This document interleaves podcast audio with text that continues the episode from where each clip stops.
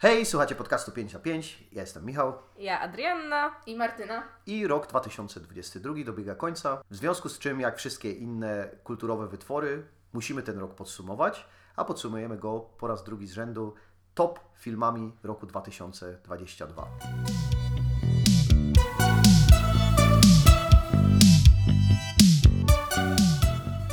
...2022 to był rok. Był to rok, owszem. Minął, minął rok od naszej poprzedniej topki. E, Teraz e, ta nowa topka będzie miała trochę inny kształt i zanim przejdziemy do samych filmów, to warto by było opowiedzieć, w jaki sposób do niej podejdziemy i co sądzimy o roku e, geopolitycznie całościowo. Oczywiście żartuję, rozmawiamy tylko i wyłącznie o filmach. Ada. Okej. Y, Dla mnie ten rok był chyba o tyle przełomowy, że jeśli dobrze kojarzę fakty, no to to był pie- pierwszy rok, w którym na przykład zaczęło się już takie bezmaseczkowanie. Nie było tam pełne, ale było. Było bez lockdownowe też. Y, I na przykład ja wiem, że mi to zrobiło w jakiś sposób względem tego, ile mogłam chodzić do kina i oglądać filmów po prostu i też mieć na to jakąś taką fajniejszą przestrzeń niż e, moja kanapa i telewizor. E, I ten rok na pewno był lepszy niż poprzedni i tego życzę każdemu kolejnemu rokowi w kinie. Martyna. E, to jeśli chodzi o mnie, to tak na początku chyba muszę sobie posypać łeb popiołem, bo jestem dość niezadowolona ze swojego tegorocznego performance'u, jeśli chodzi o wizyty w kinie, bo tak jak Adam mówiła o tym, no, że no faktycznie to kino powróciło już w takiej e, znanej nam wcześniej formie, to ja nie korzystałam z tych dobrodziejstw niestety zbyt często, a przynajmniej nie tak często, e, jakbym chciała. Mam wrażenie, że troszkę się zasiedziałam w tym domu, e, tak jak to było podczas e, dwóch, dwóch lat pandemii. I gdzieś wyszłam z tego takiego nawyku chodzenia do kina, e, co nieco sobie zarzucam i mam nadzieję, że w przyszłym roku to się zmieni. E, Jeśli chodzi o jakby kondycję filmu w tym roku, byłam troszkę zaskoczona przy tworzeniu tego, tego podsumowania, tej, tej listy, ze względu na to, że tak się bardzo często mówiło o tym, jaki to ten rok był dużo lepszy od poprzedniego i ile to super produkcji wyszło, a zauważyłam, że generalnie średnia filmów, przynajmniej w mojej opinii, jest gdzieś tam wyższa, ale one wszystkie takimi troszkę średniaczkami są. W związku z tym do, mojej, do moich wyborów w większości podchodzę tak raczej letnio, bez dzikiego entuzjazmu. Ja mam wrażenie, że to wrażenie, że ten rok jest lepszy, sprawił to, że ten rok miał bardzo mocny początek, przynajmniej tak mi się wydaje. Wtedy wyszło dużo filmów, które właśnie są co najmniej dobre, są co najmniej takimi siódemeczkami. Chociażby chyba Common Common wyszło w styczniu, jeśli dobrze to pamiętam. To chyba był jakiś taki pierwszy z pozytywnych akcentów, czyli Licorice Pizza, które wyszło 31 grudnia zeszłego roku, więc wznosimy dla niego dwa palce w górze. Y, ale że, że ten początek był tak mocny, że od razu było takie poczucie, a bo to tamten rok był zły, ale czy ten rok pociągnął się dalej tak dobrze? No okej, ale to wynika cały czas z tej infrastruktury, która obowiązuje według przyznawania nagród i z której Polska jakby traci albo korzysta na początku roku, bo wszystkie Oscarowe filmy po prostu wychodzą od stycznia do kwietnia, z tego względu, że albo są nominowane i nominacja do Oscara czy nagroda Akademii ma być czymś, co przyciąga widzów do kina. No a te filmy tak naprawdę wszystkie mają premierę gdzieś od października do grudnia w Stanach Zjednoczonych, więc, więc to są teoretycznie filmy tegoroczne, ale tak naprawdę to są filmy zeszłoroczne. I odnośnie chodzenia do kina, to ja starałem się zrobić tak, żeby być na każdym tym wydarzeniu, czyli widziałem właśnie na przykład Awatara i Mavericka i kilka filmów e, Marvela, ale co będzie odzwierciedlone w mojej topce, to tylko jeden z trzech filmów widziałem w kinie i powiedziałbym, że to nie jest taki film kinowy, powiedziałbym, że to jest właśnie taki film, który nawet spokojnie można obejrzeć w zaciszu domowym, a może nawet e, dobrze tam wypadnie. E, A co do całego roku, to, to jest ważne, bo część wyborów, które umieściłbym tutaj, zmarnowałem sobie inną produkcją kulturową, która nazywa się Smektałetki, gdzie oceniłem te filmy Oscarowe, więc tam o tych filmach Oscarowych mówiłem już trochę więcej, dlatego nie chciałbym się powtarzać, więc wybierałem z innej puli, co być może osłabi to top 3 i wcale nie jest odzwierciedleniem tego, jak ten rok w moim mniemaniu wyglądał.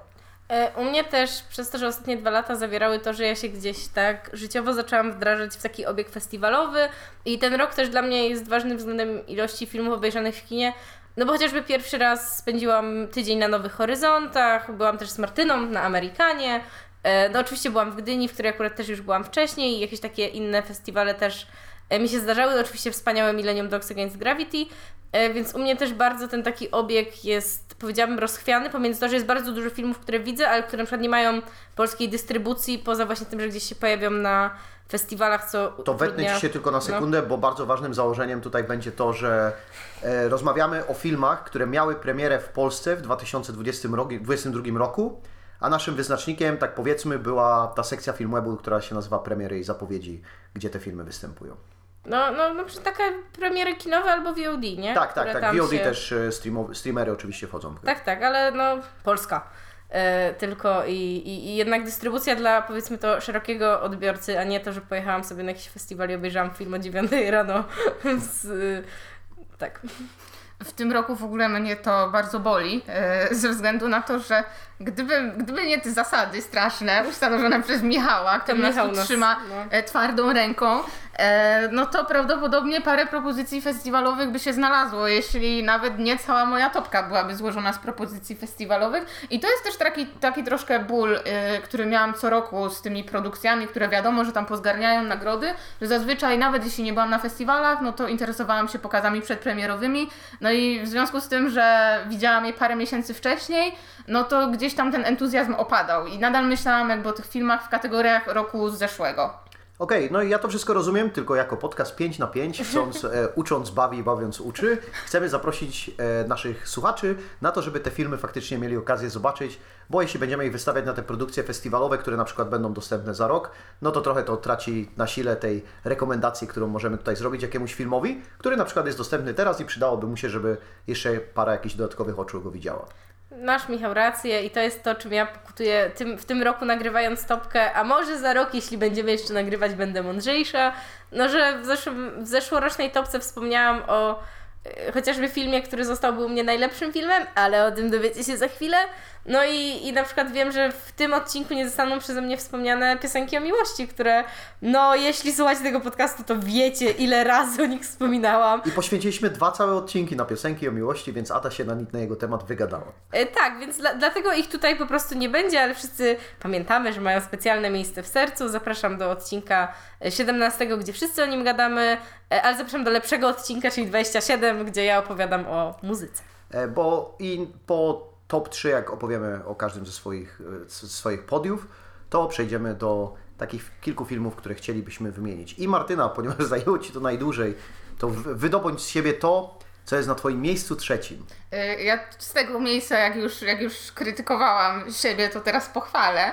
Myślę, że to jest bardzo duży progres od zeszłego roku, ponieważ y, nie będę już kombinować z kolejnością filmów, nie będę też ich zamieniać. Ta topka, którą wymienię, pozostanie taką, jaką je, jaka jest. Chociaż były pewne wątpliwości co do tego, co na tym trzecim miejscu e, umieścić, ze względu na to, że pierwsze i drugie raczej były takie już pewne. E, No i ostatecznie zdecydowałam się na produkcję duńsko-holenderską, e, która w Polsce chyba miała premierę w listopadzie, bądź na, na przełomie listopada i grudnia. I jest to film pod tytułem Goście. E, Film ten zaczyna się jak taki, taka troszkę taki nie wiem, nie wiem do końca jak to nazwać. Powiedziałabym może horror obyczajowy, e, jak to ciężkim są spotkania e, 30-paroletnich e, związków czy rodzin e, z innymi rówieśnikami. E, więc na początku ten mocny, mocny element cringe'u wjechał e, i, i właśnie na tej podstawie film budował grozę, no a później zaczynały się dziać bardzo, bardzo dziwne rzeczy. I jeśli miałabym jakoś skategoryzować ten film, czy określić do jakiego gatunku należy, no to powiedziałabym właśnie, że to jest swego rodzaju horror obyczajowy, e, ze względu na to, że tam no, nie dzieją się żadne paranormalne rzeczy, duchy nie latają, demony nie straszą, e, tylko jest to horror takich codziennych relacji i tego, że e, no być może w niektórych kulturach e, nie podkreśla się tego, a powinno, że niektórych granic się mm, nie powinno przekraczać i nawet jeśli jesteśmy wychowani na grzeczne dzieci, które zawsze mówią tak i są bardzo uśmiechnięte i wesołe, e, no to jednak te personalne granice są bardzo istotne i należy je e, po prostu ustawiać w miejscu, w którym, w którym są dla nas komfortowe. E, Jest to. Miałam troszkę wątpliwości, czy dać ten film, czy nie, ze względu na to, że ja widzę bardzo wiele takich troszkę bzdurek e, scenariuszowych. E, I niektóre przedstawione sytuacje, tu nie chcę, nie chcę wchodzić e, już zbytnio w spoilery, e, wydawały mi się wręcz absurdalne, e, ale istotnym było dla mnie to, z czym mnie ten film pozostawił, bo jest to jeden z niewielu filmów tego roku, o którym myślałam na długo po seansie i który gdzieś tam mi pozostawił jakąś zagwozdkę. E, I myślę, że w tym właśnie jest moc tego filmu, że pomimo tego, że być może nie wszystko się tam fabularnie składa i być może ci bohaterowie no już są naprawdę zbyt grzeczni, nawet jak na standardy duńskie, to, no to on, on e, na długo pozostał w mojej pamięci i myślę, że jest też bardzo, bardzo dobrym filmem pod dyskusję i troszkę żałuję, że nie mieliśmy okazji o nim porozmawiać w, w jednym z odcinków, ze względu na to, że, no, że właśnie daje wspaniałe pole do tego, żeby porozmawiać e, no i o motywacjach bohaterów i o takich kwestiach formalnych, bo ten film wygląda niesamowicie i brzmi też niesamowicie. Powiedziałbym, że jeszcze nic straconego. Nie jest powiedziane, że musimy, że na zawsze musimy odłożyć rozmawianie o gościach. Ja mam komentarz i pytanie. Komentarz jest taki, że po pierwsze brzmi to trochę jak Funny Games, e, jakby klimat tego, co opowiadasz, a dwa, czy poleciłabyś ten film tylko fanom horroru, czy jakby normalnym kinojadom także? E, Jeśli chodzi o skojarzenie z Funny Games, no to tak, jest, jest, jest bardzo trafne. E, No i wiadomo, w opiniach na, na Filmwebie jest bardzo dużo porównań właśnie i do, i do Funny Games i gdzieś tam do Kubricka nawet niektórzy, e, niektórzy się pokusili na tego rodzaju porównanie, więc tak, jest to ten klimat. E, Wzięty może troszkę do ekstremum, ze względu na to, że no, przedstawiona sytuacja w naszym kręgu kulturowym może się wydawać no, po prostu nierealistyczna. Wiadomo, że nie jestem specjalistką od tego, jak sobie tam w, w Danii czy Holandii radzą, jeśli chodzi o konwenanse, e, ale z tego co wiem, e, no, nie jest to wcale aż takie przesadzone. A jeśli chodzi o to, czy poleciłabym ten film osobom niezainteresowanym horrorem, myślę, że tak, ze względu na to, że tak jak wcześniej wspominałam, ten horror nie leży jako tako w straszkach, tylko w takim bardzo dużym poczuciu dyskomfortu. E, więc no, jeśli ktoś nie jest, y, nie jest fanem y, czy tam jumpscarów, czy, czy brzydkich, brzydkich mord wyskakujących y, nie wiadomo skąd, e, no to na pewno coś w tym filmie odnajdzie. Ale tam są Holendrzy. Tak, tak, i są bardzo, bardzo straszni, to prawda. E, więc tak, zdecydowanie, zdecydowanie polecam. E, dobry, dobry film pod dyskusję i to pod taką rozkminę. Ja jako człowiek nie horroru czuję się zachęcona, więc mam nadzieję, że uda mi się do tego filmu jeszcze dotrzeć. Czy ty oglądałeś Barbariana? Nie, ale też Okej. rozmawialiśmy o tym, że moglibyśmy go obejrzeć. Tak, tak. Bo, Napiszcie do nas, jak mamy to obejrzeć i nagrać. Py- Pytam bardziej pod takim względem, że tam są sceny takie, które są dosyć, e, nazwijmy, że można, jeśli ktoś jest squeamish, to może się nimi przejąć, więc e, zastanawiam się, jak to wygląda w Twojej perspektywie. Okej, i teraz ten film, o którym opowiadała Ada i o którym ja chcę wspomnieć. W ogóle, co ciekawe, moja lista e, zawiera w tym roku dwa dokumenty. Ej, jestem tak tym zaszokowana. E, I na miejscu numer 3, dlatego że właśnie chciałem o tym filmie porozmawiać, ale trochę od innej strony, jest film balkonowy Pawła Łozińskiego, który, o którym rozmawialiśmy też w podcaście. Jest to bardzo fajny odcinek, zachęcam do przesłuchania, więc rozmawialiśmy o nim więcej. Natomiast e, ja wyjdę do niego z takiej perspektywy, że bardzo szanuję Łozińskiego za to, jak dobrym jest filmowcem, z tego względu, że on udowadnia mi, że ludzie są kompletnie nieciekawi. Wyciąga historię ludzi, którzy są to jest jakby moja teza z poprzedniego podcastu też. Przychodzą i opowiadają jakieś takie zwykłe historie. Nie? Ktoś przychodzi, no i wyszedłem do sklepu i tam kupiłem dwie bułki, tylko że jego historią jest, no, że tam żona mi umarła. No wiadomo, takie rzeczy się zdarzają. I on z tego skleja film, który jest pasjonujący pod tym względem, że cały czas zastanawiam się, jak on potrafił tak dobrze e, do tego filmu, że on wygląda jak to końcowe dzieło, które co prawda mogło wyglądać zupełnie inaczej, potrafił zmontować to, że to utrzymuje cały czas taki rytm i wie, gdzie te odpowiednie historie wsadzić, żeby to mimo wszystko miało sklejkę od samego początku do końca, a jednocześnie ustawiając tylko tę kamerę w taki ograniczający siebie formalny sposób, czyli w jednym miejscu i kierując ją tylko na prawo, na lewo. E, I tak tworzy piękne ujęcia, które są bardzo ładne kolorystycznie i, i i jakby wzbo- wzbogacają to wszystko, co dzieje się w tym filmie. Czasami jakby nawet najlepsze momenty tego filmu to jest wtedy, kiedy on sobie po prostu patrzy na, na ulicę, na której się dosłownie nic nie dzieje, niż wtedy, kiedy ludzie się zatrzymują i na, na niego patrzą. I myślę, że gdyby to był taki głośniejszy film, który wyszedłby gdzieś za granicą, to pewne ujęcia, to w jaki sposób on patrzy na ludzi, to, to jest bardzo, to, to jest takie kultowe, nie? To, to jest, się zapisuje w historii kina. Ej, zobaczcie, momentalnie jedno ujęcie wystarczy na to, żeby rozpoznać, że to jest film balkonowy. Nie? Bo mamy ten kąt, na który on patrzy na tych ludzi. Ci ludzie, którzy- podnoszą głowę i wyglądają trochę inaczej niż normalnie ludzie zazwyczaj jak z Tobą rozmawiają, bo podnoszą ten łeb i, i, i rozmawiają z tym Łozińskim. No i ciekawie wypada Łoziński po prostu jako ten bohater z tej perspektywy, że to jest artysta, który próbuje znaleźć inspirację i on z tej inspiracji tak meta próbuje sobie przygotować film, bo to się przeradza w coś, w taki, taki ostateczny produkt i zastanawiam się, czy w przypadku filmu dokumentalnego to już nie jest taka jakby ostateczna granica rozmowy tego, jaki miałem pomysł na film, pomysł się stał filmem i po prostu dosłownie moja, moje przemyślenia na, tego, na temat tego, co mogę zrobić, przełożę je na, na tych ludzi, z którymi będę rozmawiał i z tego powstanie moje dzieło. Tak, ja się od razu odniosę, że to był film, który ja w zeszłym roku już, przez to, że go zdążyłam wcześniej widzieć dwa razy, e, nazwałam wtedy najlepszym filmem, który się wydarzył, no ale nie miał swojej premiery. Na szczęście miał swoją premierę kinową w kwietniu, o czym wtedy, jak nagrywaliśmy w grudniu, nie było jeszcze wiadomo, ale myślę, że bardzo dobrze. Co do jego jakby drogi międzynarodowej, to film balkonowy bardzo ładnie sobie hula nadal po festiwalach i hulał już też wcześniej.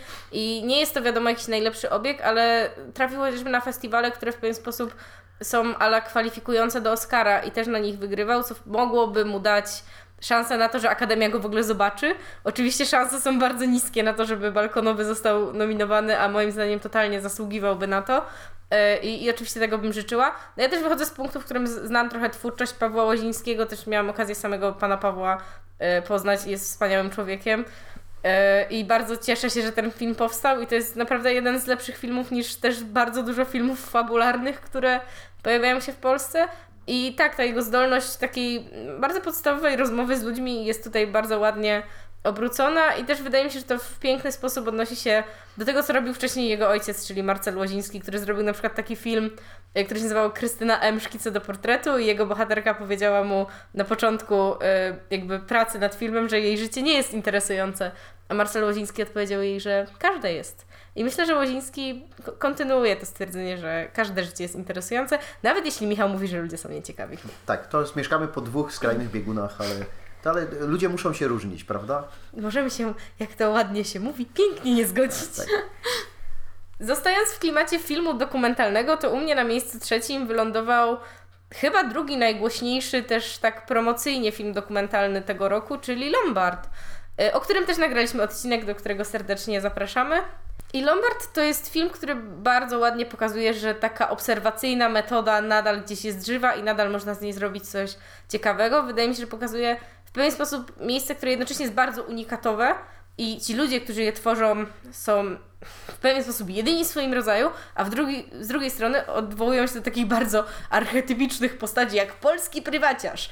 Yy, I myślę, że to ma swój urok, bo pomimo tego, w jak specyficznym otoczeniu na tym Śląsku jesteśmy, to je- jednak każdy może zobaczyć w tym filmie coś, z czym kiedyś na przykład miał do czynienia i uważam, że to jest jego bardzo dużą wartością, ale chyba taką największą, która wychodzi często moim zdaniem w dyskusjach, jest tak naprawdę to, czego człowiek y, jako widz dowiaduje się o sobie oglądając ten film i to właśnie w jaki sposób on patrzy na to, co y, Łukasz Kowalski pokazuje w tym filmie, jak na to reaguje, to to mówi właśnie trochę więcej o widzu niż na przykład o twórcy, a często próbuje być to obracane, więc też tw- twórcom bym pogratulowała tego projektu, bo też wymagał no, ponad 4 lat gdzieś tam kręcenia. Aktualnie trwa zbiórka też na ten Lombard, żeby przetrwał, więc może jeśli widzieliście ten film e, i jakoś przyjęliście się losami tych bohaterów, to polecam sprawdzić i polecam przede wszystkim obejrzeć, jeśli macie jeszcze możliwość. E, Co jest ciekawsze, w centrum komiksu czy Lombard? Uuu, trudna. W Centrum Komiksu, dla tych, którzy nie wiedzą, to jest film, który w zeszłym roku się też pojawił jako specjalne, e, specjalne wspomnienie, e, bo to też jest film, który miał przede wszystkim obieg festiwalowy i w takich telewizyjnych streamingach gdzieś tam się obraca, czy jest puszczany w telewizji bodajże przez Kanal Plus. E, w Centrum Komiksu, hmm. Powiedziałabym, że jednak Lombard jest dla mnie cie- ciekawszym filmem, ale na przykład y, w Centrum Komiksu jest filmem bardzo dobrze opowiedzianym, ale to jest też zupełnie inny typ dokumentu, bo to jest taki dokument bardziej reportażowy, no a właśnie Kowalski jest, jest typowo y, człowiekiem robiącym tutaj dokument obserwacyjny. I jednak dla mnie ta forma dokumentu obserwacyjnego, w którym rzeczy w pewien sposób się dzieją same i ty je tylko wychwytujesz, y, jest trochę ciekawsza do obserwacji i trudniejsza też do tego, żeby zrealizować ją w montażu też tak, żeby się ją dobrze e, oglądało, niż taki reportaż, w którym w montażu masz bardzo dużą kontrolę nad tym, jaki materiał chciałeś zrealizować do konkretnego ujęcia, chociażby przez setki, które się tam e, przejawiają. Ale propos montażu, to jeszcze tylko dodam do filmu balkonowego, jak powiedziałeś o tym, jak świetnie jest to zmontowane, e, no to tutaj należą się też laury dla... E, Laury dla laureatów e, tegorocznej nagrody w Gdyni za najlepszy montaż, czyli duetu Piasek i Wójcik, którzy też film balkonowy Łozińskiego montowali. Y, To ja odwołam się w takim razie do przedostatniego punktu, który zrobiłaś, bo to dobrze się skleja z moim miejscem numer dwa, bo to jest kolejny typ filmu dokumentalnego i ja bym nazwał to dokumentalnym filmem szpiegowskim. Bo moim numer dwa jest film pod tytułem Nawalny, o Aleksim Nawalnym z e, dysydencie z Rosji, któremu, jeśli śledzi się obecne wydarzenia, myślę, że trochę uciekło ze względu na wojnę, ale, ale jednak przez moment było to dosyć głośne, że został e, otruty i gdyby nie szybka jakby reakcja szpitalna, to prawdopodobnie by zmarł. E, I e, Aleksiej Nawalny jako człowiek, który jest człowiekiem czynu oraz jest takim trochę showmanem, to zapragnął dowiedzieć się, kto ten zamach na niego spowodował. I jakby znając moc takiej autoreklamy, zatrudnił ludzi do zrobienia dokumentu o sobie i ten dokument zmienił się w zasadzie w to, że mamy pracę taką analityczną, raportową u podstaw, którą wykonuje Nawalny wraz ze swoją ekipą, dzwoniąc na przykład po jakichś ludziach, którzy są powiązani z FSB, z jakimś, z jakimś byłym e, wojskiem w, mm, w Rosji i on na przykład od tych ludzi wyciąga jakieś takie wojskowe informacje, po prostu dzwoniąc do nich,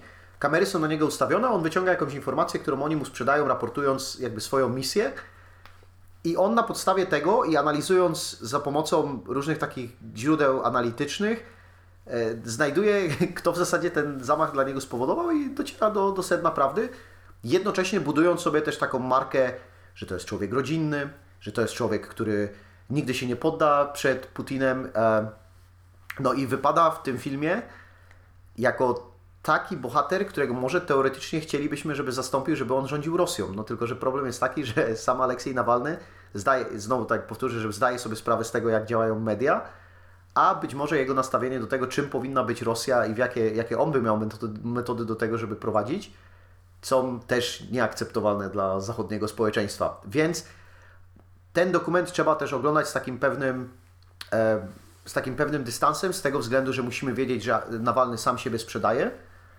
ale jednocześnie jest to kawał bardzo dobrej roboty takiej kinematograficznej. Ogląda się to naprawdę z, naprawdę z przejęciem, e, lepiej niż nie- niektóre Borny, czy Bondy, czy inne filmy typu e, muszę wykonać bardzo ważną misję dla świata.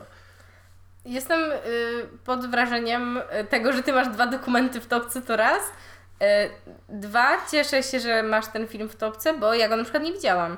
I myślę, że to jest też coś, y, co mnie czeka, zwłaszcza po Twojej rekomendacji.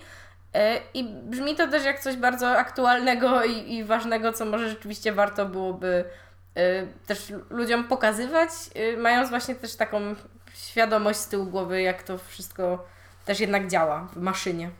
Myślę, że też jakby warto zwrócić uwagę, bo też nie widziałam tego filmu, aczkolwiek po tej rekomendacji e, zapewne się za niego zabiorę.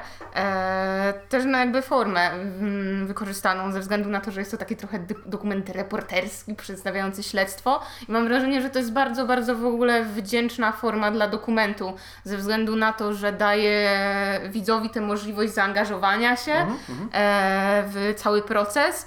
E, no więc no, brzmi to niezwykle, niezwykle zachęcająco. Zwłaszcza, że Nawalny jest bardzo, znaczy to nie jest dobry aktor, ale jest dobry w tym, żeby teatralnie podkręcać to, jak robi. Jak odbiera na przykład jakiś telefon, albo którą wykonuje jakieś gesty i gra głosem i tak dalej. I nie jest to super, ale e, mamy tutaj po prostu główną rolę, która przyciąga do, ma, ma taką charyzmę, że przyciąga do ekranu bez względu na to, czy ma umiejętności, czy ich nie ma.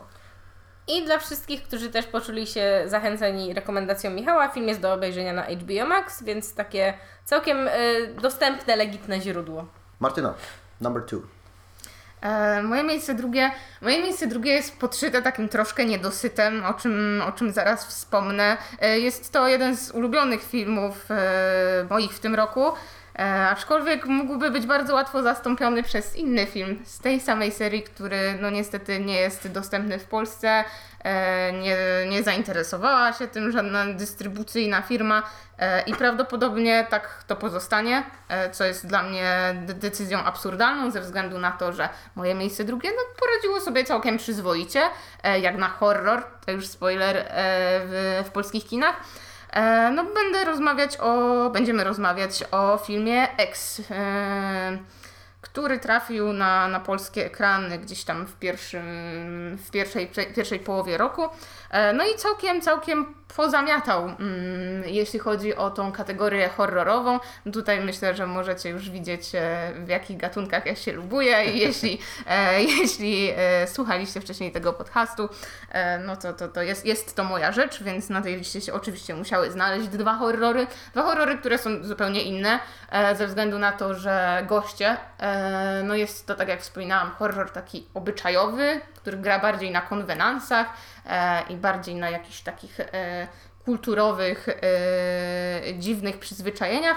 E, a X to jest e, swego rodzaju, nie wiem czy chcę tu użyć słowa pastisz, ale na pewno jakaś gra z, z troszkę horrorem klasy B, e, na pewno z horrorami, które, które były tworzone e, w latach dużo, dużo wcześniejszych niż nasze. E, Też ze względu na elementy stylistyczne, no to generalnie na to, jak ten film się prezentuje i też jaki, jaki temat porusza. E, No bo porusza historię grupy, która chce nakręcić artystyczne porno. E, No i oczywiście jak Zainspirowani zespołem Big Cyt. Jej. No i wiadomo, no nie, mus, nie muszę tutaj mówić, jak to się kończy dla y, większości y, ekipy zaangażowanej w produkcję tego filmu. No bo nie użyłaś najważniejszego słowa, nie? To jest slasher po prostu. E, e, tak, tak, to prawda. Ja generalnie unikam y, używania określenia slasher, bo y, jest to, co już mówiłam milion razy, chyba mój najmniej ulubiony gatunek, podgatunek horroru, więc tak zawsze staram się gdzieś wokół tego tańczyć, żeby, żeby tego jednego, jednego określenia nie użyć. E, ale chciałam jeszcze wrócić do tego, dlaczego jest to miejsce takie podszyte troszkę niedosytem, e, ze względu na to, że Ty West uraczył nas e, kolejną częścią, zasadniczo prequelem do X pod tytułem Pearl, gdzie występuje, gdzie w głównej roli wraca Mia. E, no i niestety miałam, niestety, miałam okazję zobaczyć ten film i uważam, że zrobił dokładnie to co X, tylko prawdopodobnie tak z dwa razy lepiej. I jest mi, jest mi bardzo przykro, że nie ma okazji trafić do szerszej dystrybucji i gdzieś tam trzeba kombinować i, i e, się nagimnastykować, żeby ten film obejrzeć nie w takich warunkach, w jakich by się chciało, bo ja bardzo chętnie dołożyłabym e, swoje pieniążki e, i wydała, wydała je na bilet e, kinowy. Mm na ten film e, i uważam też, że on by wspaniale sobie na ekranie poradził ze względu na to, jaką stylistykę przyjmuje, no bo tutaj mamy e, lata troszkę wcześniejsze, gdzieś tam 50. e, Też, też ze względu na to, jak ten film wygląda, e, no ta stylistyka bardzo ładnie by się na pewno w sali kinowej e, e, odnajdywała. No szkoda, szkoda. Mam, mam tylko wielką nadzieję. X jest trochę taką obietnicą na to, co, co Ty West, e, czyli reżyser filmu, może, może nam e, zaoferować w przyszłości. I bardzo mnie cieszy, nigdy nie sądziłam, że w tym miejscu powiem, że cieszy mnie istnienie serii VHS, której szczerze nie znoszę. Ale właśnie Ty West gdzieś tam stawiał swoje pierwsze kroki w tej serii, tworząc jeden, e, e, jeden z elementów całego filmu ze względu na to, że VHS to są, no, są antologie e, horrorów. I no jeśli to, to VHS nieszczęsne ma promować e, czy pomagać takim twórcom jak Ty West gdzieś się wybić na szersze wody, no to, to niech sobie będzie, niech sobie będzie słabe. E, Ja co do, co do X mam taką uwagę, że po pierwsze cieszę się, że został e, łopatą wy, wygrzebany z grobu Martin Henderson, bo przyjemnie go było zobaczyć 20 lat po premierze teledysku do Toxic, tak? Co, coś koło tego. A z kolei em, cieszy mnie też oduniewinnienie Britney Snow, nie? która była trochę taka zaszufladkowana jako e, good girl, a tutaj poszła w zupełnie innym kierunku. Oczywiście zachęcamy też do słuchania naszego całego odcinka o filmie X, e, który nagraliśmy właśnie jeszcze tam w pierwszej połowie roku. E, Ja też jako ponownie osoba mniej horrorowa na pewno, bardzo dobrze się bawiłam w tym filmie. Ja na nim nawet płakałam. I o, o tym, dlaczego płakałam, musicie wrócić do tamtego odcinka. Tak, jeszcze z tego miejsca, jak już o Pearl wspomniałam, no to nie mogę wspomnie- nie wspomnieć o Maxine, która będzie trzecią częścią e, tej trylogii X. E, prawdopodobnie w Polsce tego nie uświadczymy, e, co, jest, jest niezwykle przykre. E, I też chciałam podkreślić, że bardzo się cieszę, że Mia Goth miała szansę e, no tak zalśnić tej roli, bo nie oszukujmy się, kiedy mówimy o X, mówimy jednocześnie o tym, jak Mia Goth ten film e, na swoich wątłych pleckach e, niesie.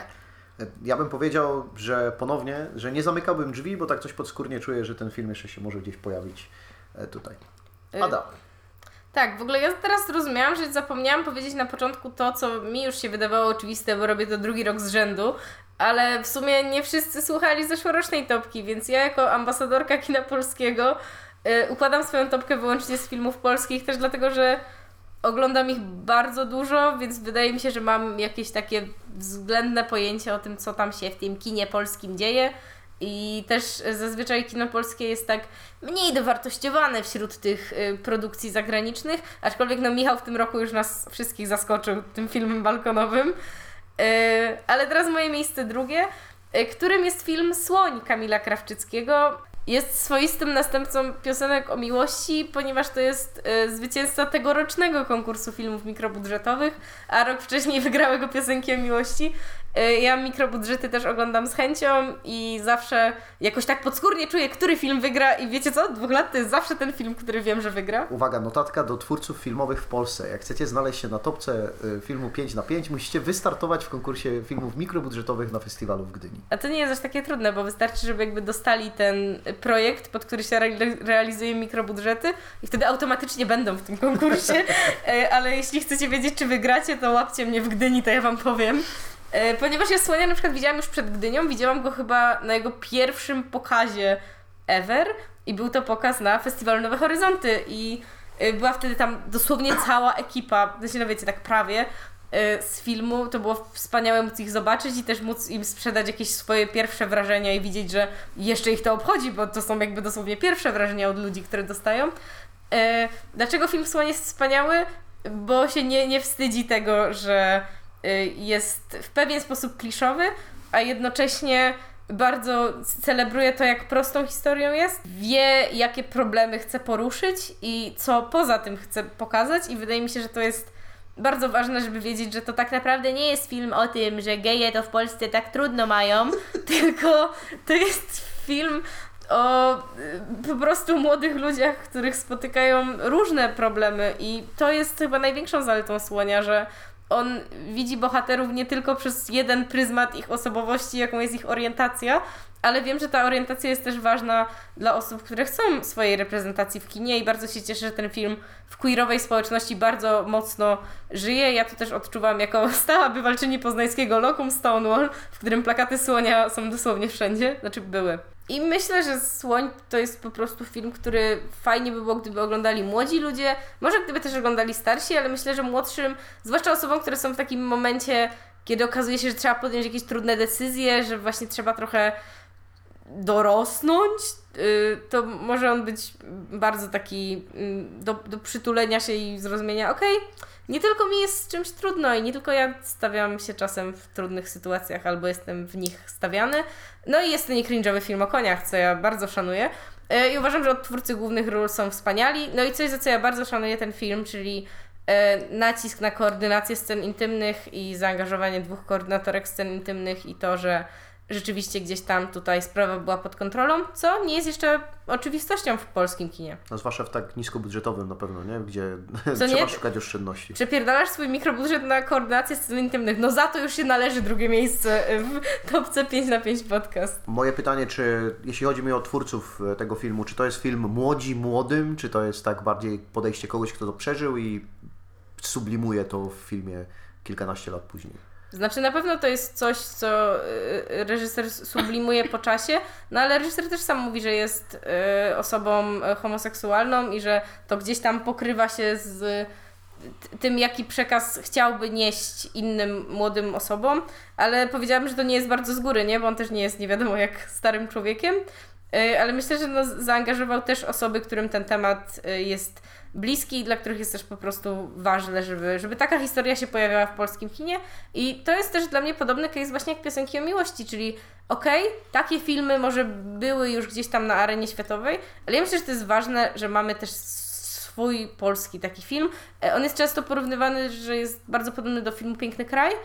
E, ja w nim też widzę oczywiście nawiązania do Brokeback Mountain czy Call Me By Your Name, ale to nie jest nic na szkodę tego filmu. Ja, ja ogólnie słyszę cały czas, jak to opowiadasz, słyszę wszystkie nasze strachy, ale. No właśnie, nie, właśnie to jest film, który, o którym najczęściej słyszysz, że to jest film, który robi lepiej to, co mogły robić wszystkie nasze strachy, aczkolwiek dla mnie wszystkie nasze strachy to jest film o czymś jeszcze innym, a ten film jest bardziej dla, w sensie Słoń jest bardziej dla człowieka, wszystkie nasze strachy są bardziej dla człowieka artysty, bym powiedziała.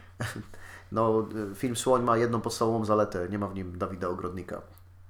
Tak, ale jest wspaniały Jan Hrynkiewicz i wspaniały Paweł Tomaszewski, e, też debiutanci, e, którzy naprawdę radzą sobie no po prostu świetnie. Okej, okay, przejdźmy do naszych numerów jeden. I... Werble!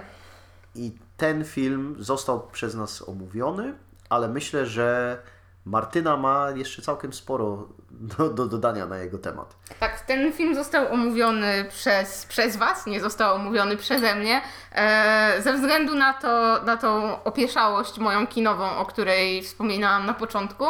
E, miałam, w momencie, w którym ten film miał premierę, miałam jakiś taki kryzys, y, taki głęboki kryzys kinowy. Na nic mi się nie chciało iść, nic mi się nie chciało oglądać, oprócz filmów y, z gatunku chujowy horror, oglądany spod kołderki. E, w związku z czym no, ominęłam niestety odcinek e, o tym filmie. I nadrobiłam go gdzieś, gdzie na, nie wiem, on prawdopodobnie wtedy zaliczał swoją jakąś ostatnią bądź przedostatnią rundę w poznańskich kinach. E, no i Jezus Maria, jak bardzo bym żałowała, gdybym go nie zobaczyła w kinie. E, no jest to film, nie przedłużając już tego wstępu, wszystko wszędzie naraz. E, Który jest u Ciebie na miejscu? Numer jeden. I co do tego miejsca nie miałam żadnych, absolutnie żadnych wątpliwości. Od początku wiedziałam, że on tam musi wylądować, bo jest to film, który mi bardzo, bardzo dużo zrobił. I, tutaj się odniosę troszkę do e, filmu balkonowego, e, o którym się nie, tam nie zdążyłam, nie zdążyłam się wtrącić na ten temat, e, ze względu na to, że Wszystko Wszędzie Naraz i film balkonowy troszkę mi przywróciły tą taką chęć chodzenia do kina, ze względu na to, że były takim bardzo, bardzo dużym przeżyciem kinowym, e, no bo tak jak na e, filmie balkonowym, no wszyscy na sali y, śmiali się i dokazywali, no to tak na wszystko wszędzie naraz były te, te, te sceny, które wywoływały gromki śmiech wśród publiczności, która była bardzo liczna pomimo tego, że no tak jak mówiłam, film już praktycznie e, no ostatnią gdzieś tam piętą ledwie e, zahaczał o te kina, już, już wychodził z nich, no to też no, wywoływał bardzo, bardzo duże szlochy które było, było słychać w całym kinie. Prawdopodobnie ja szlochałam najgłośniej na paru scenach. E, jest to, bardzo dużo rzeczy zostało powiedzianych o tym filmie, no bo jest to troszkę taki film totalny, który może i przytłaczać, który też porusza milion wątków e, ze względu na to, że e, no, jest, jest dość taką chaotyczną, pokrętną historią, dziwną, bardzo dziwną, no jak to filmy, y, y, czy tam, no filmy, duetu Danieli, czy Danielów. Daniele, za, takie zwierzęta. No właśnie to, to ten, sam, ten sam żart chciałem zrobić, chciałem właśnie powiedzieć, za każdym razem sobie wyobrażam, że dwa Daniele stoją za kamerą. Tak jak mówię, nie, nie, jestem w stanie prawdopodobnie dodać niczego nowego do tej narracji o tym filmie, bo nie dość, że przez Was został przewalcowany, no to został przewalcowany przez prawdopodobnie, nie wiem, wszystkich liczących się e, recenzentów filmowych, którzy no, zachwycali się nad nim i zachwycają się po dziś dzień, bo z tego co widziałam, e, pojawia się już bardzo, bardzo sporo topek e, wśród tych takich największych, czy tam youtuberów filmowych. No i to wszystko wszędzie naraz ląduje na tych pierwszych miejscach, bądź nawet jeśli nie na, na samym szczycie, no to gdzieś w tej pierwszej trójce. I jest to film, który naprawdę bardzo, bardzo uderzył mnie emocjonalnie i pomimo tego, że miałam momenty zawahania podczas oglądania tego filmu, bo tak jak wspominałam, no te, w tym filmie się dzieje dużo i dzieje się przytłaczająco, e, no to jednak e, no, e, ładunek emocjonalny, który za sobą niesie e, w jakiś sposób mnie przytłoczył, ale był też takim pewnego rodzaju e, stanem oczyszczenia w kinie, e, kiedy, kiedy płakałam sobie rzewnie na, tych, na tych kilku wzruszających scenach, to no on, on, on, on coś, we mnie, coś we mnie poruszył i bardzo, bardzo za to ten film cenię i nie miałam absolutnie żadnych wątpliwości co do tego, że no to jest moje miejsce pierwsze. Jest to, jest to wspaniały film, myślę, że będę go przez lata pamiętać. E, tak. Ja tak teraz trochę próbuję oceniać filmy pod takim kątem, co z niego zostanie w popkulturze i jak długo będziemy pamiętać. Wydaje mi się, że wszystko wszędzie naraz zrobiło to, że jak wystarczy wstawić screen e, tego, że jest kamień e, patrzący z klifu i wszyscy wiedzą o co chodzi. Y, To ja tak propos tego, że może ktoś chciałby sobie ten film nadrobić lub zrewatchować, on jest dostępny na Prime Video też, więc myślę, że warto. Ja akurat niestety jestem w tym gronie mniej entuzjastycznym wobec tego filmu, bo pamiętam, że nawet po paru miesiącach od seansu miałam taką refleksję, że wspominam go jeszcze słabiej, pomimo jakiegoś takiego poczucia, że nie bawiłam się źle na tym seansie, ale myślę, że u mnie przede wszystkim problemem jest to, że jestem wielką fanką filmu Swiss Army Man, czyli poprzedniego filmu Dwóch Zwierzaków Danieli, y, który jest wspaniałym, melancholijnym wejściem wewnątrz umysłu osoby może trochę szalonej i bardzo, bardzo sobie to cenię i cenię sobie to, jak pojechany jest tamten film. Ten film jest pojechany o wiele bardziej y, i, i też szanuję to. I szanuję to, jak zrealizowana jest ta wizja. Myślę, że naprawdę y, niewiele jest takich filmów, w którym chyba wszystko jest dozwolone i nie ma granic, a to jest dokładnie taki film. Y, ale nadal niestety nie wywarł na mnie aż takiego wrażenia i może to jest ta rzecz. To ja mam właśnie zupełnie odwrotnie, bo po Swiss Army Man miałam, trosz, y, Army Man miałam troszkę niedosyt, ze względu na to, że być może właśnie nie oddziaływał na mnie na tym poziomie emocjonalnym, bo tak jak w pełni zgadzam się, że no tam działy się rzeczy, działy się takie rzeczy, których e, no może nie, nie było widać, e, czy, czy nie były zbyt często prezentowane w takim kinie, które gdzieś tam się do mainstreamu przedarło, e, ale właśnie ta, ta, ta, ta warstwa emocjonalna gdzieś mnie ominęła, pomimo tego, że na przykład e, bardzo, bardzo w tym filmie działała na mnie muzyka. E, no to cała historia i, i perypetie bohaterów, czy raczej bohatera, były, no pozostawiły mnie troszkę obojętną i to wszystko, co nie działało e, w Swiss Army Man, zadziałało dla mnie w, we wszystko wszędzie naraz. Nie lubię strasznie używać tego określenia, bo jakby love-hate to nie są jedyne uczucia, które można, którymi można darzyć filmy Danieli. Dwóch Danieli wybiegających z lasu, ale... Przypowieść o dwóch Danielach. Tak, ale, ale myślę, że z każdym filmem e, duetu Daniels będzie dokładnie tak samo, czyli po prostu e, trafi do ciebie kupując cię dosyć mocno i, i po prostu będzie z tobą gadał, bo ze mną Swiss Army, Swiss Army Man też nie rozmawiał, a wszystko wszędzie naraz tak. I pewnie każda produkcja będzie trochę na, biegała z jednej strony na drugą, no bo obaj Daniele są mocno kreatywni i możemy się spodziewać, że pewnie następny projekt będzie jakby kompletnie różny od tego, co prezentowały te dwa filmy. I bardzo na taki film czekam, bo to, co uważam, że wszystko wszędzie ra- naraz na pewno zrobi dobrze, to że umocni jakąś taką postać yy, Danieli w kinie i że ich filmy będą czymś, na co ludzie będą czekać, co będzie robiło budżety i co po prostu sprawi, że ich pojechana twórczość będzie mogła być pojechana w każdą stronę, jaką sobie zamarzą, a myślę, że warto. Tak, myślę, że też warto wspomnieć o tym filmie w kontekście tego, co się wydarzyło chociażby w Marvelu.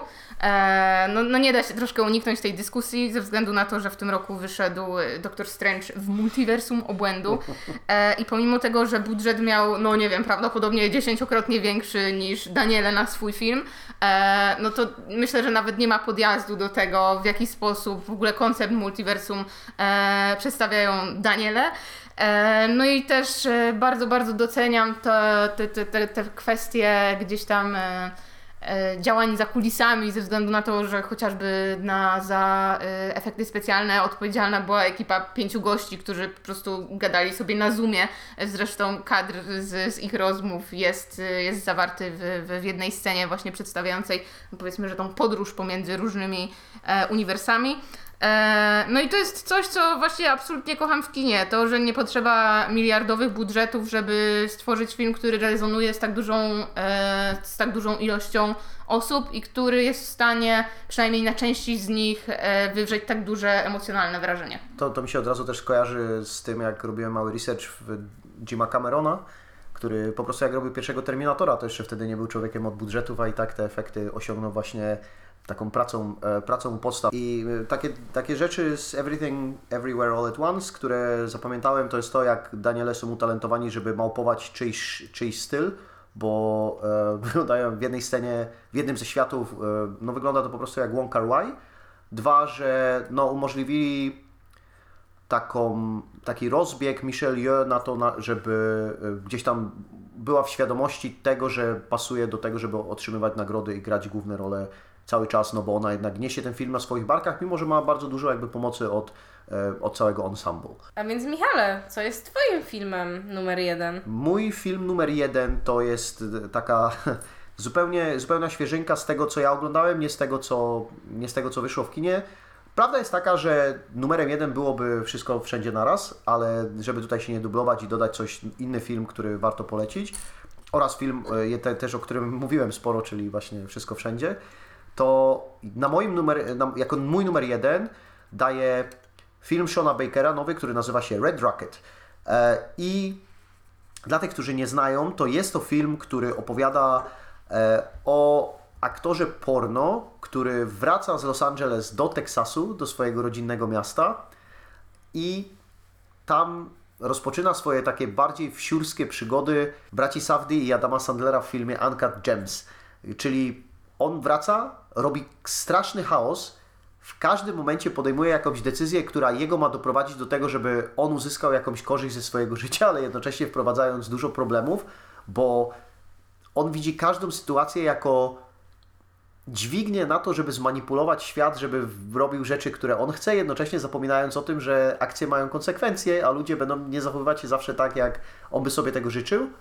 I jest to taki fajny kontrast, bo kiedy w Anchor James mamy, mamy miasto i mamy ten taki blichtr, chociaż trochę kiczowaty, to tutaj mamy całe jego przygody postawione na tle tego Teksasu, który z jednej strony ma, jest wielki, ma fantastyczną przyrodę, ma jakieś takie miejsca, które wyglądają pięknie, to jednak z drugiej strony mamy jakiś taki bardzo ciężki przemysł, bo często jest przechodzący główny bohater na tle takich maszyn wydobywających ropę i tak dalej. No oraz te patologie, w której mieszkają bohaterowie, czyli taka absolutna rudera, której um, zamieszku, zamieszkują ludzie, którzy są uzależnieni od jakichś ciężkich narkotyków. I Baker bardzo nienachalnie, ale jednocześnie strasznie rozrywkowo opowiada historię zawierającą mnóstwo takich podtekstów mówiących o Ameryce, mówiących o tym, E, czy ludzie po, powinni otrzymywać drugą szansę, o tym jak wyrwać się z miejsca, czy to miejsce, w którym dorastamy, potrafi się wyrwać kiedykolwiek z nas. E, I ta jego wrażliwość też tutaj jest widoczna, chociaż film działa na zupełnie innej energii niż na przykład Florida Project. Właśnie Florida Project to jest film, którego ja jestem bardzo wielką fanką.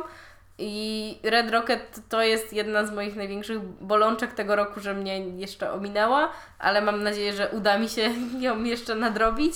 E, na pewno będę się bardzo starała, mam nadzieję, że pojawi się na jakichś e, sensownych streamingach, że to tak nazwę i będę miała okazję e, go nadrobić. Jakby co jest do wykupienia tam, na, bo chyba polecam serwis Upflix teraz w tym momencie, mhm. bo tam po prostu są wypisane i za 15 zł jest na kilku miejscach do wykupienia. To ja się mogę tylko dołączyć do tego, że bardzo żałuję, że tego filmu nie nadrobiłam ze względu na to, że przygotowując się do, do stworzenia mojej topki, no wiadomo, tam zanurkowałam w te premiery i zapowiedzi na Filmwebie e, i był to jeden z niewielu filmów, których nie widziałam, które naprawdę mnie zaintrygowały. E, I myślę, że tylko, tylko podłe choróbsko powstrzymało mnie od, przed tym, żeby, żeby ten film obejrzeć e, przed dniem dzisiejszym, ale w przyszłości nadrobię. I po to między innymi jest ten numer jeden, aby zachęcić naszych słuchaczy oraz członków podcastu do obejrzenia filmu Red Rocket.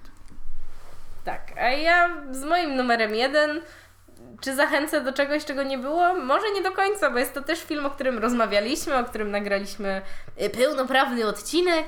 E, no i tutaj Kino Polska zamyka się w tym, że najlepszym filmem tego roku, oczywiście mając w pamięci to, że tak naprawdę najlepszy jest film balkonowy, to najlepszym filmem i uwaga fabularnym polskim tego roku, zdaniem moim, jest film Inni ludzie Aleksandry Terpińskiej, czyli rapowa przygoda, na którą zostajemy zabrani Y, po ulicach Warszawki, w którą zabiera nas y, właśnie Terpińska, bazując na tekście Masłowskiej y, i też zbierając sobie tam ciekawe grona aktorskie, między innymi Jacka Bellera, który ten film prowadzi i też Sebastiana Fabiańskiego, który rapuje, może nie ironicznie, I naprawdę myślę, że to jest film, który swoim w ogóle konceptem i jego realizacją no naprawdę wygrywa, bo brakuje nam w Polsce takich filmów i brakuje nam takiego realizowania pomysłów.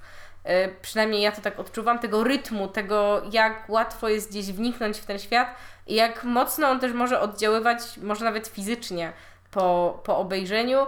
I też, y, czy jest to jakaś może wizja tego, jak wygląda hmm, towarzystwo, nazwijmy to blokowe? Może trochę, ale widzę w tym pewien realizm, który ciekawie gra z tą rapowaną narracją, która jest no, bardzo spójna ze światem, który przedstawia. I naprawdę, jeśli nie widzieliście i na przykład czuliście się zniechęceni przez trailer, to nie czujcie się, tylko, tylko naprawdę da, dajcie temu filmowi szansę, bo myślę, że warto. Jak ja pracowałam jeszcze w multiplexie, kiedy ten film był grany, to za każdym razem, gdy ktoś chciał kupić bilet na innych ludzi, mówiłam, o, idzie się na super film. I ludzie byli tacy, hm, serio? A ja, mhm. I wychodzili zadowoleni. A jakże przyjemnie nasze numery jeden rozmawiają ze sobą, mają bardzo podobną energię i bardzo podobny vibe i też są właśnie o tym, jak wydostać się z miejsca, w którym wydaje nam się, że nie do końca zasługujemy, żeby w nim być, bo jesteśmy od niego lepsi, a to miejsce trzyma nas wszystkimi e, swoimi haczykami, żebyśmy, żebyśmy się jednak z niego nie wyrwali. No bo dlaczego dobrzy ludzie muszą być dobrzy, a źli muszą być źli? Szare twarze, szare twarze. Tym sposobem dotarliśmy do końca naszych topek. Przypomnijmy, Ada, od numeru trzeciego Twoje. Okej, Kino Polska, ranking top 3 według Adrianny Skórnickiej. Miejsce trzecie Lombard Łukasza Kowalskiego. Miejsce drugie Słoń Kamila Krawczyckiego. No i wspaniałe miejsce pierwsze. Dodam też tylko, że cieszy mnie, że pierwsze miejsce zdobywa u mnie reżyserka. E, inni ludzie, Aleksandra Terpińska. I Martyna? W tym roku bez żadnych fikołów. Miejsce trzecie, goście. Miejsce drugie, ex. E, no tam ukośnik, perl.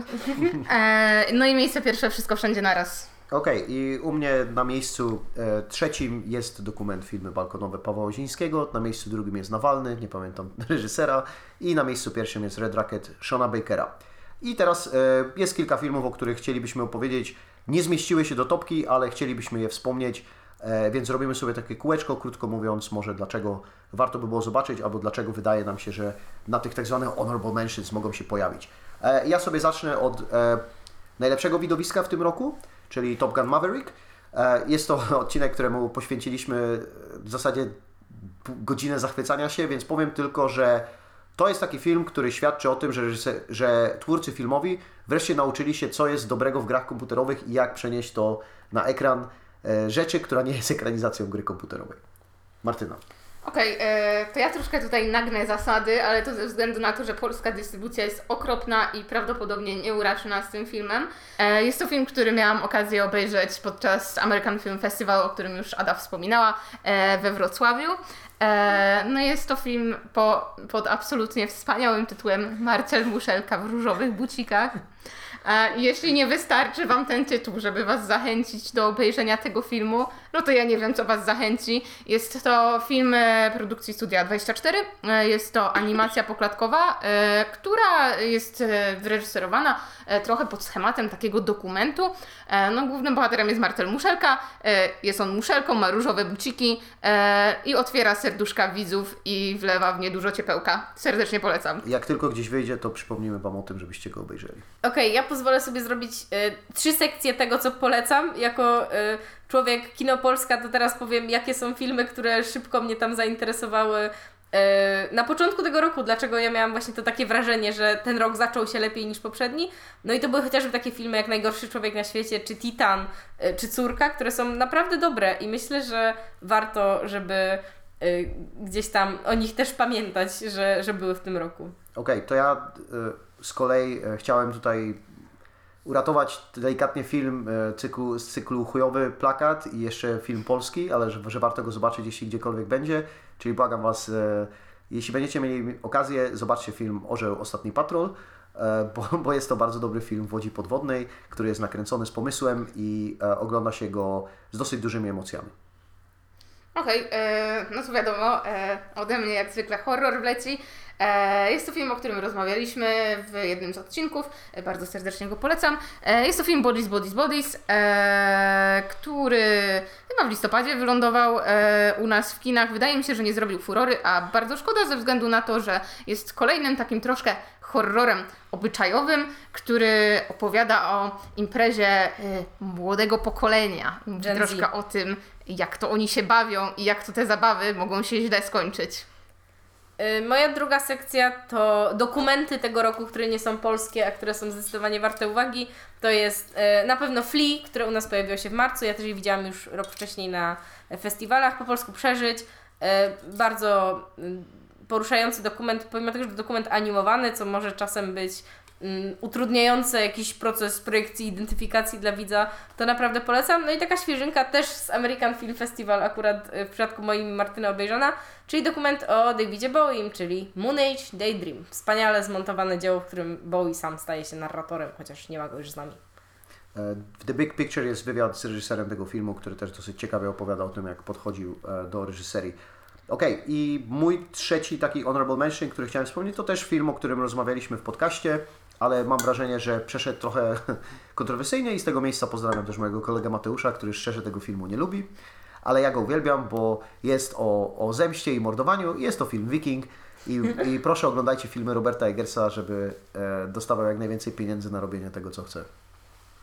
Okej, e, no to moja ostatnia rekomendacja. E, jest to film, o którym tym razem nie rozmawialiśmy w podcaście, e, ze względu na to, że troszkę e, też jakby zniknął z mojego radaru i obejrzałam go pod koniec roku, a nie na, początek, na początku, tak jak wyszedł, bo był to film, który, horror, który premierował w styczniu, a wszyscy wiedzą, co to zazwyczaj oznacza dla horroru, ale okazało się, że był całkiem niezły i był to Krzyk 2022 e, który całkiem nieźle pogrywa w ogóle jakby z legendą krzyku e, i z konwencją.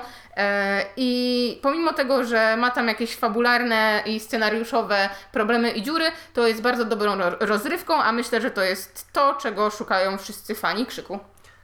I Jenna Ortega nie dosyć, że wychodzi nam wszystkim z Facebooka, to jeszcze za chwilę wyjdzie nam z lodówki. Z mojej jeszcze nie wychodzi, bo nie oglądałam serialu Środa, więc może w czwartek wpadnie, nie wiem. Okej, moja ostatnia sekcja to są takie bardziej y, moje wrażenia z festiwali, które Wam przywożę, a które może pojawią się w przyszłym roku. No i mówiąc bardzo szybko, film After Sun, który też oglądałyśmy z Martynem na Amerykanie i który na początku nie wydawał mi się aż tak istotny, a myślę o nim do dziś i bardzo, bardzo czekam na to, jak się pojawi. Drugi to moje przywiezione z Gdyni, y, czyli film Tata, y, Anny Maliszewskiej, który będzie miał swoją premierę kinową w marcu. Myślę, że bardzo aktualny, zwłaszcza w takim kontekście polsko-ukraińskim i bardzo cieszę się, że takie też, y, nie chcę nazwać tego do końca integrującym filmem, ale łączącym na pewno, że takie filmy będziemy mogli oglądać i film, o który będę Wam suszyć głowy, że musimy go obejrzeć, bo już Nowe Horyzonty zapowiedziały dystrybucję i o który będę chciała rozmawiać ze wszystkimi i z tego miejsca serdecznie pozdrawiam Maćka Sługockiego, który jest moim e, przykładem tego, że ten film należy polecać i ludzie mogą na niego iść i będą e, zadowoleni, chociaż to może być dziwne. Jest to film Brainwashed Sex Kamera Władza, to jest dokument Niny Menkes dotyczący male gaze'u w kinie, tego jak e, na przestrzeni lat to wyglądało, jak może wyglądać e, i bardzo rozkłada to też w taki naukowy sposób. E, No i jest myślę, że bardzo uświadamiający, ale też nie jest taki na zasadzie, a nie no, bo kino to już jest stracone, bo zawsze było z męskiej perspektywy. Jest to taka wiwisekcja tego rzeczywiście, dlaczego było z męskiej perspektywy, ale to ma w pewien sposób dać widzowi do przemyślenia to samemu. No i sz- sz- szybciutki ostatni film to film I Love My Dad, który nie wiem, czy się kiedyś pojawi, ale sprawdźcie go, naprawdę. W ogóle After Sun to mam wrażenie, że z opisu na razie, bo nie widziałem, to to jest ten film, który pojawi się tutaj za rok. E, tak, no on teraz jest bardzo silnie okrzykiwany jakimś najlepszym filmem festiwalu, e, chociażby Amerykana właśnie.